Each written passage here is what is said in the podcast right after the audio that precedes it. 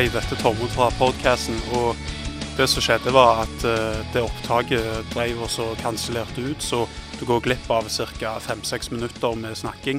Bl.a. om hva som skjer med hardcore i 2013. Og vi fortsetter på samme måte som vi har gjort før. Vi kommer sikkert til å ha litt mer intervju og litt mer innhold, for uh, vi har en mye bedre planlegging nå, og vi har satt opp mye bedre. Så jeg er spent på å se hvordan dere reagerer på hardcore i 2013. Ellers så snakket vi bitte litt om Far Cry 3. Det dere vil høre nå, kutter rett inn i avslutningen på en Call of Duty eh, Black Ops 2-diskusjon om zombie-moden. Og etterpå det så snakker vi bl.a. om de lytterbrevene vi har fått uh, i løpet av julen, i og med at vi har holdt en konkurranse om det. Og i tillegg så ser vi òg tilbake på spillåret 2003, der bl.a. Ja, Call of Duty og Splinter Cell og mange andre kule titler gjorde sin debut. Så dette er Hardcore sin første sending i 2013.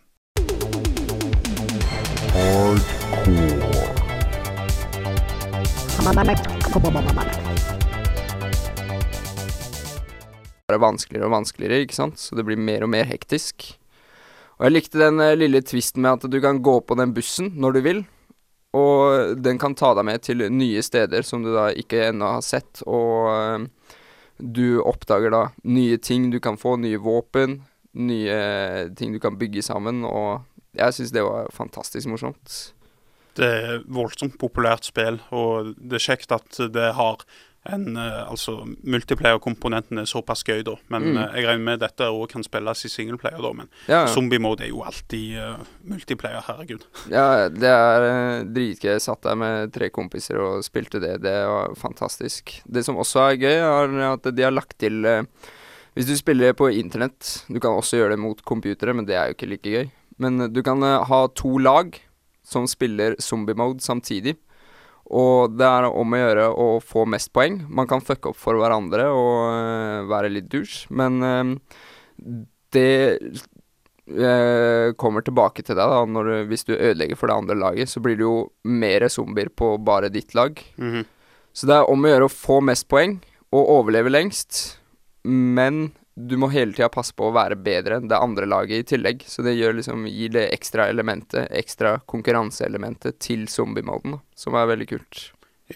Og det var Call of Duty Black Ops 2. Og eh, rett etterpå dette her, eh, så skal vi svare på lytterbrev. For vi hadde en konkurranse der du kunne vinne mye kult, bl.a. PlayStation Allstars Battle Royale og Hitman Absolution til PlayStation 3. Så da skal vi se hva lytterne skrev da.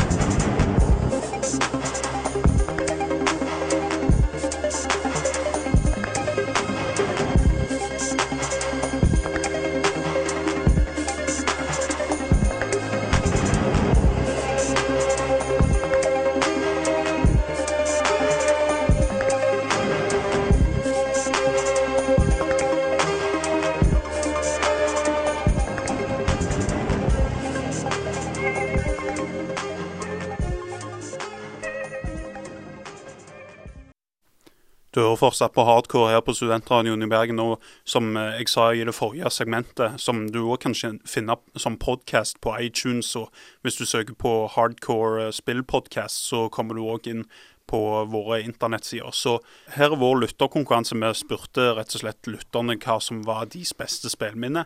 Og dette er svarene vi fikk inn. Så vi kan starte med det som en som eh, har jobba i radioen før, Joakim M. Tangen, skrev til oss som spillminne. Ja, han skriver at uh, jeg husker godt en eh, kveld i romjulen da jeg var 14-15, eh, og vi hadde lånt ekstra kontroller, slik at vi kunne spille fire stykker på min Nintendo 64-maskin. Vi, vi kunne spilt gjennom alle spillene som lå ved siden av uh, maskinen, men endte opp med å spille opp til seks om morgenen, med, hvor de da spilte Diddy Kong Racing på banen Ice, Icicle Pyramid hvor hele prinsippet ligger i at man skal skyte hverandres søte små eh, kjæledyr med raketter. Paradoksalt og vakkert på en gang. Aldri har det ligget mer hvitt støv i joysticken på 64-kontrollen enn etter den kvelden. Ja, det er jo et spill som jeg vil tro mange uh, tenker tilbake på, for uh, det var jo et spill som solgte voldsomt bra. Diddy Kong Racing er jo et av de klassiske Rare-spillene som virkelig kommer fra Rare sitt Rareware sin gullalder, der de hadde disposisjon over Donkey Kong. og Nå, de, nå, lager de jo en del for Microsoft, men altså, de kommer aldri til å kunne lage de sjarmerende, altså Donkey Kong Country f.eks. Altså.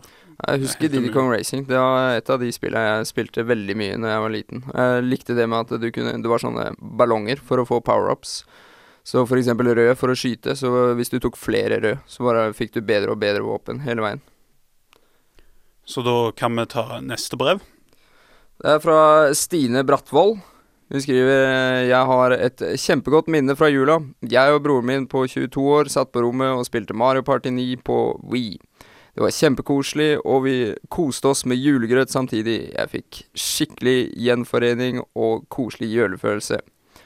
Helt klart hele julas høydepunkt. Jeg aner ikke hvordan Mario Party 9 solgte, men jeg vet at uh, vi satt jo og spilte det med tidligere hardcore-gjengen. og eh, Fy faen, altså. Er, det er så morsomt. Det er så mange kule minispill der.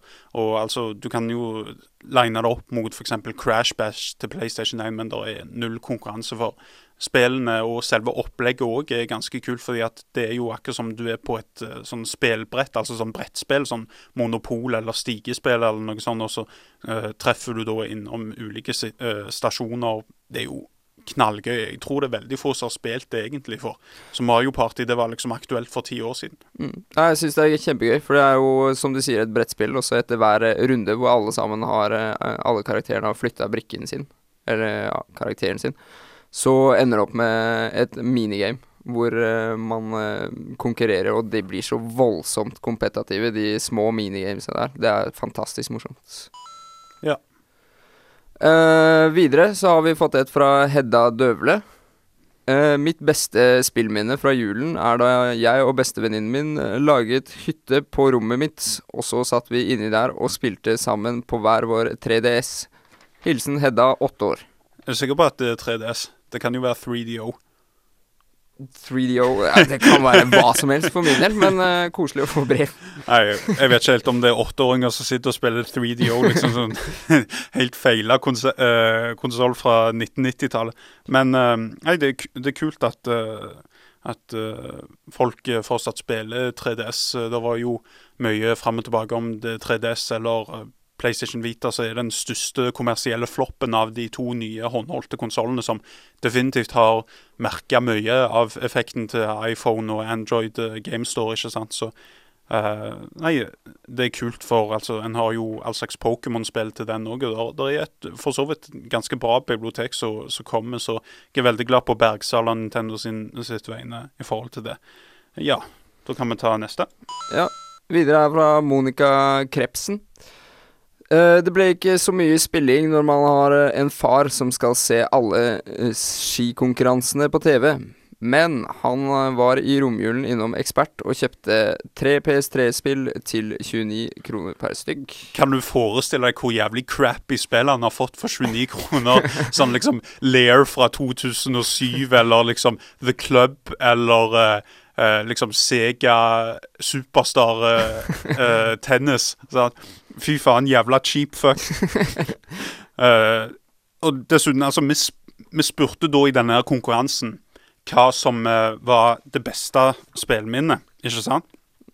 Og uh, det er jo det er jo ganske rart da, at vi får så tamme svar sånn som det der. fordi at det er jo ingen historie, det er null intrige, det er ingenting gøy bare altså, meningsløst pjatt om en far som er eh, for gjerrig til å kjøpe skikkelig retail-spill. En vet jo at eh, gode spill til, til barn, da skal du litt mer opp i pris enn faen 29 kroner, altså. Det, den får respons. Ålreit. Uh, ja, vi kan ta neste. Neste er fra Thomas eh, Bjerke. Husker veldig godt at jeg nå i julen oppdaget at min sønn på seks år nå plutselig er den som forklarer og hjelper meg når vi spiller sammen. Oppdaget dette når vi spilte Lego Star Wars. Det gikk fortere enn jeg hadde trodd, gitt.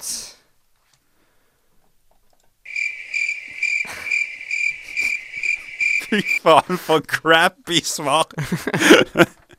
Å, herregud. Um, ja, kan vi ta neste? Uh, mitt beste spillminne fra julen er den uh, julen jeg var ti år fikk Super Nintendo med Mario og Donkey Kong. Ble sittende og spille hele julen, og når jeg tenker på dette, husker jeg ingen av de andre gavene jeg fikk. Det er et minne jeg husker nå, etter alle disse år, og noe jeg savner veldig. Har sittet og sett på nettet etter Super Nintendo og spillene jeg fikk fra gamle dager, og når jeg får penger til det, blir de mine nok en gang. Altså, det med å kjøpe Super Nintendo nå Du er liksom fem år for seine til det. fordi at nå, uansett hvilken vei du snur og vender på det, så kommer du til å bli garantert fucked. For uh, altså, hvis du spoler tilbake da fem år, så Super Nintendo de gikk for 200 kroner stykk på finn.no på QXL. Det var ingen som brydde seg om det. Men plutselig da så ble de som hadde nostalgi for denne her eh, type maskinen, de ble voksne. Så da er det veldig viktig nå, hvis du skal først begynne å samle på Super Nintendo nå, så er det viktig at du eh, henvender deg først og fremst til det europeiske markedet, fordi at eh, her i Norge Hvis du, hvis du Håkon Nessemo, skulle eh, gjette deg til hvor mye tror du at hvis du skal få Super Mario Bros med boks i dag, hvor mye tror du at du må gi? Altså til original Nintendo? Uh, jeg, jeg vet jo at det er en samleverdi på det, men eh, jeg kan tippe kanskje 700 til 1000 kroner, noe sånt. Da skal du ha et jævlig bra eksemplar, men eh, det er faktisk ikke så, eh, så dyrt, altså. Jeg ville ikke gitt mer enn 300 for et skikkelig godt eksemplar. Og det som er kult med altså, de Super Nint nei, Nintendo Entertainment System-boksene vi fikk her, det var at de er ganske små. De er såkalt smallbox, men etter hvert så skifta de da fra smallbox fordi de var så skjøre. Som Mm. da øker samlerverdien betraktelig, fordi at det er så lett at det skal være skader. Og du vet hvordan det er med papp, de tåler jo faen ingenting. Sånn at å finne da skikkelig fine kopier av eh, Super Mario eller fra altså originale Donkey Kong Det var jo en bråte med Donkey Kong-spill på både Super Nintendo og Nintendo Entertainment System. Så mitt råd til dere som skal begynne, det er hvis du har tålmodigheten til det, så ville jeg kjøpt fra USA, fordi at der er ting jævla mye billigere. Det er mye bedre utvalg. Det er mange mer kule titler på Super Nintendo, f.eks. Eh, blant annet så har du jo Chrono Trigger. sant? Eh, Kjempeklassisk eh, spill. Hvis du ikke har en DS, så kan du kjøpe det til ja, rundt 600-700 kroner for en veldig flott kopi. Eh, men det er jo noen Nintendo-spill, sånn som et av de spillene jeg har, som heter Flintstones 2 The Surprise at Dinosaur Peak eh, til Nintendo Entertainment System, System, som faktisk er så sjeldent at i USA så ble det ikke lansert i butikker engang. Du måtte leie en kopi fra sånn altså videosjapper eller noe sånt. Men hvor har du fått tak i det her? Vel, eh, det ble lansert eh, Det fikk normal lansering her i Norge, men eh, det var jo helt på tampen av eh, Nintendoen sin levetid. Jeg lurer om det ble lansert sånn rundt 92-93, og det var jo da Super Nintendo kom inn for fullt. Og det er jo et spill som Altså, det, det er jo ingen som spiller det, herregud. Du har det jo bare for samlerverdien. Og jeg fant det faktisk for Skal vi se en tre-fire år siden i en spillbutikk som hadde da to Super Mario-spill. De hadde, nei, to Nintendo-spill. De hadde Surprise at Dinosaur Peak og så Super Mario Bros slash Duck Hunt, som er liksom ja, den mm. vanligste Mm.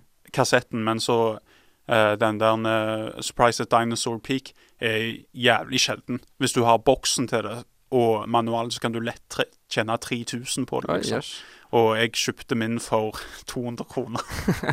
Bargain! Ja, så det er ikke noe pornstas eh, her i gården. Her, er- her er det jeg så for. Lagerkrigen med Tormod Husebø.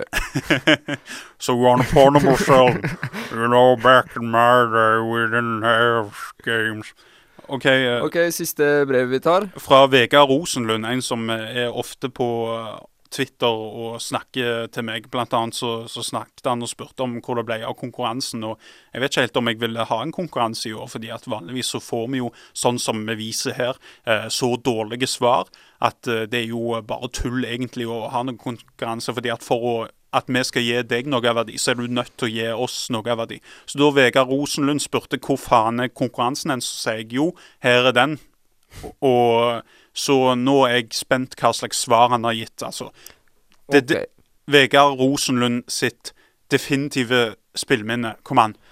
Lag et bilde av, av Ok, dette. skal jeg ta på fortellerstemmen her? Det finnes få ting som er bedre enn julespilling. Prøve ut de nye spillene, de nye gadgetene, de nye taktikkene. Aller best husker jeg det en femteklassing som skrev dette? Aller best husker jeg nevnte Crash Bandicoot, men også gamle Grand Turismo 2. Herregud, for et klassespill! Meg og broderen og kompisene, min, kompisene hans banket alle sammen i kjellerstuen med julebrusen, julesnopet og julestemningen på plass. Banka alle sammen? Ja, han og kompisene banka alle. Ja, ok. Men er det ikke bare sånn fire player på det? Eh, Ja, de banka alle. Ja. Alle fire. ja det kan iallfall ikke vært online. Hm. Ja vel. Ja, men i hvert fall lite betød det om jeg vant eller ei. Men han banka alle sammen. Ja. Ok, det er Men uh, i og med at han har Jeg vet ikke om han lytter lenger. Gjør du det, Vegard? Hvis ikke, så send meg en eh, tweet. Men eh, ja, jeg eh, vet ikke om jeg gidder å kåre noen vinner til denne konkurransen. Men jeg lurer på om det er en lov om dette her som sier at du, hvis du har en konkurranse, er du nødt til å ha en. Så jeg skal være i kontakt med dere som har vunnet. Jeg vet iallfall at Tom Kenneth Green, som da kom med spørsmålet om, eller minner om Super Nintendo, han kommer til å få en feit pris, og så får vi se om det er noe til deg òg, Vegard eh, Rosenlund. Så eh, det er vår spektakulære julekonkurranse med eh, de kjedeligste svarene eh, som vi har fått, eh, tror jeg. Så da, rett etter dette her, så skal vi se på 2003, spillåret 2003. Det er noe som jeg ikke har tenkt på siden 2003. Så jeg blir spent på om hva slags titler som er der. Jeg har ikke sett så nøye på lista over releases, men eh, jeg gleder meg til å se på det.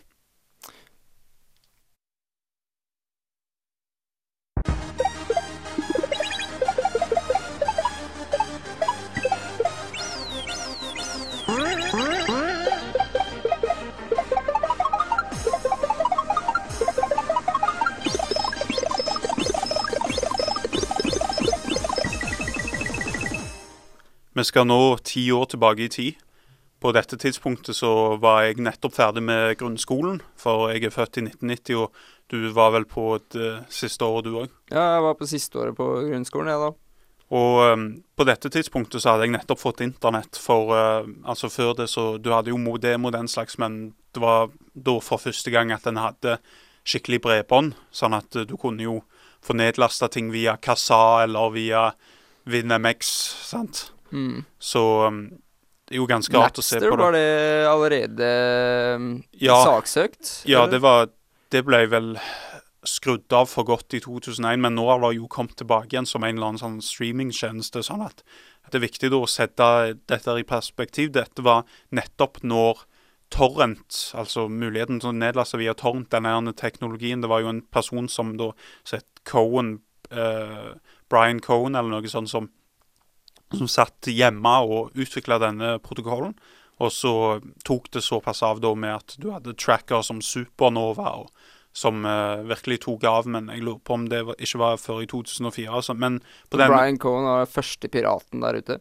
Nei, altså Dette med piratgreier det strekker seg tilbake til liksom 1988-1987, der en da alt ble distribuert via tape. Ja. Altså, Det var til og med en radiostasjon i Danmark som da sendte Commodore 64-koder på radionettet, sånn at du kunne ta det opp med kassett. Sånn at eh, du Altså siden på Commodore 64 så hadde du jo enten altså kassett eller diskett, og så kunne du da bruke hvilken som helst kassettopptaker, sant? og så fikk du da spill via den veien. Så det var ganske kult, faktisk. Men uh, iallfall så I 2003 så Det starta jo med et brak. Jeg husker jeg eh, hadde jo en del sånn norske spillblad på dette tidspunktet der det ikke bare var Game Reactor, men det var altså andre litt mer uavhengige. Blant annet så hadde du et spillblad som het Insight Games, som eh, ikke lenger selvfølgelig eksisterer, som senere ble til Computer Gaming World Norge. Eh, og de hadde mange oppslag om Splinter selv, og du hadde òg en demo da. Og da hadde jeg, jeg hadde kanskje en av de verste PC-ene noen gang. Jeg hadde en uh, GeForce 4 200 MX. Uh, sånn at det å liksom ha anti-alizing og sånn, det var jo totalt utelukka. Det var skikkelig dårlig grafikk, men jeg husker når Splinter selv kom, så det var veldig imponerende, selv om det legger som bare hor og helvete på PC-en min. Så det kom faktisk i eh, den, eh, altså den 13. februar til da PC og så tullige konsoll, bl.a. GameCube og 360, eh, og sikkert PS2 òg, om jeg ikke husker feil. Og da var det skikkelig snikespill hvor du skulle ta alle sammen på så stille og ubrutal, eller brutal måte som mulig, men ikke lage noe lyd. Ja, det var nesten som Metal Gear Solid, bare at Sam Fisher var jo mye mer akrobatisk, sånn at den hadde da mye mer 3D-plattformer framfor altså det 2D-perspektivet som en hadde i eh, de originale Metal Gear Solid-spillene. Mm. Sånn at uh, det var relativt revolusjonerende med at uh, du da hadde en komplett annen synsvinkel som garantert var mye mer krevende for PC-en eller konsollen å prosessere. da som uh, Det som jeg gjerne husker best, det som var den kuleste bevegelsen, det var jo at en kunne liksom Du kunne hoppe opp og ta tak i en bjelke eller et rør, og så liksom klatre rundt i rommet på den måten. Med at en kunne da òg heise seg opp i beina, sånn at du da var i en sånn katt- eller ekornposisjon. Og så når det, det da var en Så kunne du droppe ned og ta folk fra lufta? Ja. Det var jo Altså, En hadde ikke sett noe som det tidligere. altså Den slags gjøres da gjerne altså, gjennom quicktime events eller noe sånt nå, men uh, på det tidspunktet det var ikke noe vi hadde sett noe sånn voldsomt til. De slags kontrollsystemer var relativt unge og på mange måter på noen måte ikke spesielt velutvikla. Mm. Så det var det som var i februar sammen med Noen husker sikkert Project IGI eller Pro Project IGI, som eh, faktisk var norskutvikla, som var utvikla av skal vi si, Innerloop Games, heter vel, som en, sammen med Funcom på det tidspunktet var en av de få norske spillutviklerne, og det ble jo ne senere nedlagt. da. Som, eh, det var et uh, snikespill uh, som, og skytespill som Ja, en kan da blande det med det var et typisk tredjepersons uh, skytespill på det tidspunktet. Det ligna en del på The Thing. Mm. Så kom i mars så kom Zone of the Enders, The Second Runner, som selvfølgelig var oppfølgeren da til Zone of the Enders, uh, som var et Hideo Koshima-spill som nettopp kom ut i Zone of the Enders HD-utgave, som du er da en slags sånn meka, eller Uh, altså svære roboter som du flyr rundt. og En av de få spillene som faktisk fikk til å fyke. altså Tidligere så hadde en jo hatt sånn Superman 64, som hadde liksom den verste kontrollen til å fly noensinne, mens eh, Beste flyspillet jeg husker fra gammelt av, det var Star Fox eh, 64. Eller Ja. Lilat Wars. Ja, Lilat Wars ble det hetende her i, i Norge og Skandinavia og i Europa, da, som Jeg fatter jo ikke det. Star Fox var jo dritkul tittel, sant.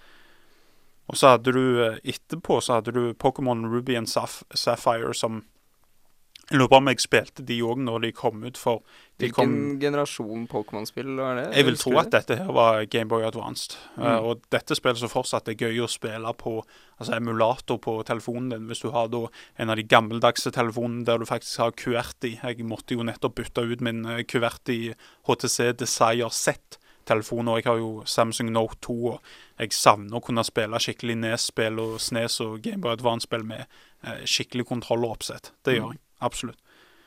Ellers eh, hva slags spill husker du fra altså, tidlig i 2003, siden nå befinner vi oss i mars?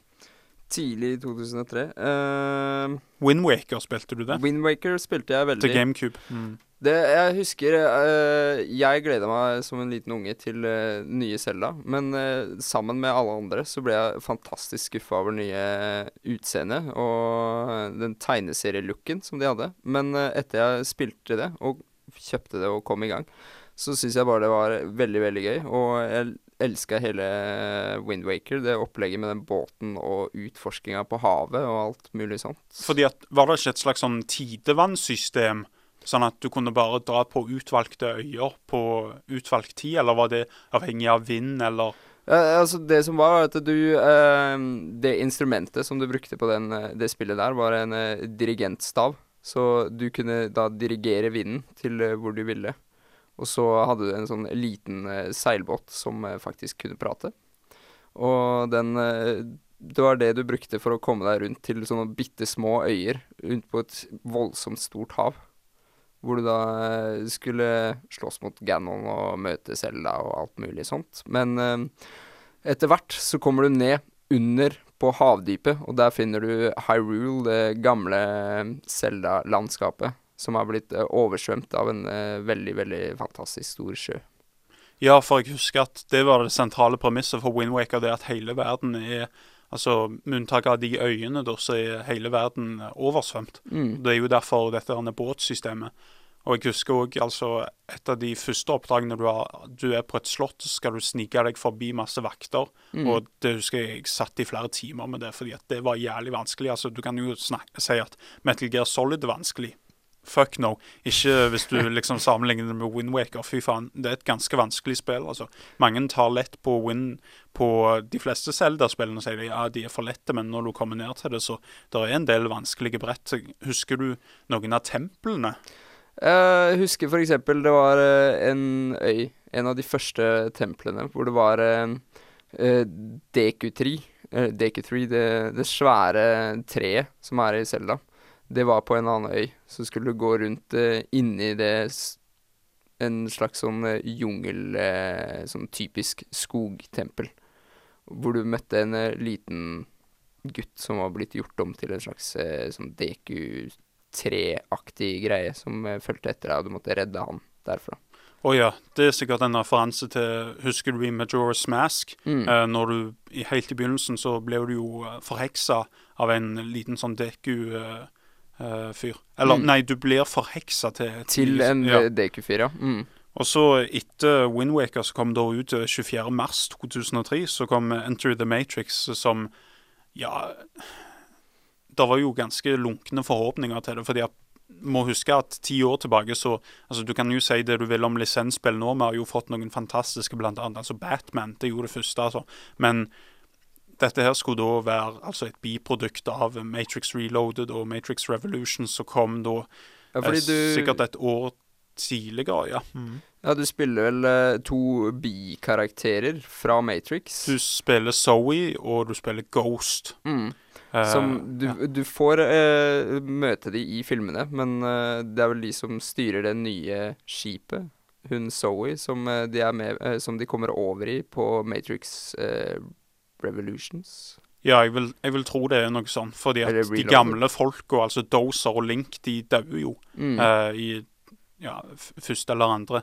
Men uh, det var jo Altså, de blåkopierte jo Max Payne på mange måter med dette spillet. For altså, en hadde jo selvfølgelig Matrix-atmosfæren. Det var ikke veldig mange som var veldig gjenkjennelige av de brettene. De prøvde jo å skape sine egne greier, fordi at det er jo legitimt vanskelig å, å få en film over på eh, spill. Altså, det er jo en Men de prøvde vel å eh, gjøre det sånn at du spilte de eh, bikarakterene, sånn at mens Nio dreiv og holdt på med sitt og fløy rundt og sånt, så fikk du se hva de holdt på med for å hjelpe Nio og hans venner, holdt jeg på å si. Ja, Absolutt. Så etterpå det så i, Det var da 14. mai. Kom Enter the Matrix. 2. juni så var det noe som het Toontown Online, som var en av de første ja, altså mer barneorienterte MMO-RPG-ene, da. eh, Som selvfølgelig var veldig basale, og det var jo egentlig ikke så voldsomt mye av eh, gameplay å gjøre, egentlig. 20. juni så får vi en riktig kalkun. Tomb Raider, Angel of Darkness. Fy faen, det er et dårlig Tomb Raider-spill. Vi har mange dårlige Tomb Raider, vi må ikke glemme det, men dette er da suverent det aller verste som har blitt gitt ut i franchisens navn. Og jeg skal fortelle dere hvorfor. For jeg husker at kontrollene altså Du kan jo si at de gamle Tomb Raider-spillene, de som kom før det, var, det var skikkelig dårlige og Det var jo selvfølgelig stivt som bare faen. Altså Det var jo ikke på noen måte sånn som Prince of Persia, som da senere dette året skulle komme, i forhold til altså mykheten og fleksibiliteten, og at du virkelig følte at du hadde total kontroll. Mens i Angel of Darkness så var det null håp for franchisen. Jeg trodde jo at hele driten skulle bli kansellert, men det fikk jo litt nye hype i og med at i 2001 var det vel, så kom Tomb Raider-filmen, som selvfølgelig er jo like drit som dette spillet, og uh, det der Cradle of Life-greien som kom senere. Men uh, du hadde i tillegg til da denne voldsomt stive kontrollen der det var sykt lett å hoppe utfor. Altså, du var jo i urbane omgivelser, først og fremst. sånn at Det var jo lett å hoppe utfor vinduet eller hoppe utfor altså rekkverk. sant, altså. Og skytinga var jo veldig stiv. Altså, du sier liksom at Resident Evil har stive skyting, ikke i forhold til liksom Angel of Darkness. Så eh, det husker jeg virkelig hvor drit det var. Og det kom ut eh, 20. juni. Uh, 24. juni skal Wario World, så jeg tror veldig få eh, noen gang har fått spilt, som er liksom Altså, det er liksom Ligner det på Mario? Mario World? Å uh, oh ja, Super Mario World. Mm. Vel, altså, det er jo en 2D-plattformer, men det er jo i, selvfølgelig i 3D-innpakning. Dette var jo en GameCube-tittel, selvfølgelig. Mm. Og om jeg ikke husker feil, så du skal samle masse eh, Som alltid skal du samle masse mynter, og så er du blant annet i en jungel. Og, og eh, det var et veldig kult spill. Forsa spilte mange, mange som hadde garantert likt å spilt dette spillet, i og med at 2D-plattformen er såpass poppis nå med alle indie-utgivelsene, og ikke minst òg at uh, uh, Altså 3DS har mange kule plattformspill, selvfølgelig. Mm. Så er Warcraft 3 eh, Frozen Throne. Det var vel expansion-packen til uh, Warcraft 3. Ja, og dette er et spill som fortsatt blir spilt mm. drossevis av, fordi at de har jo ikke gitt ut Warcraft 4.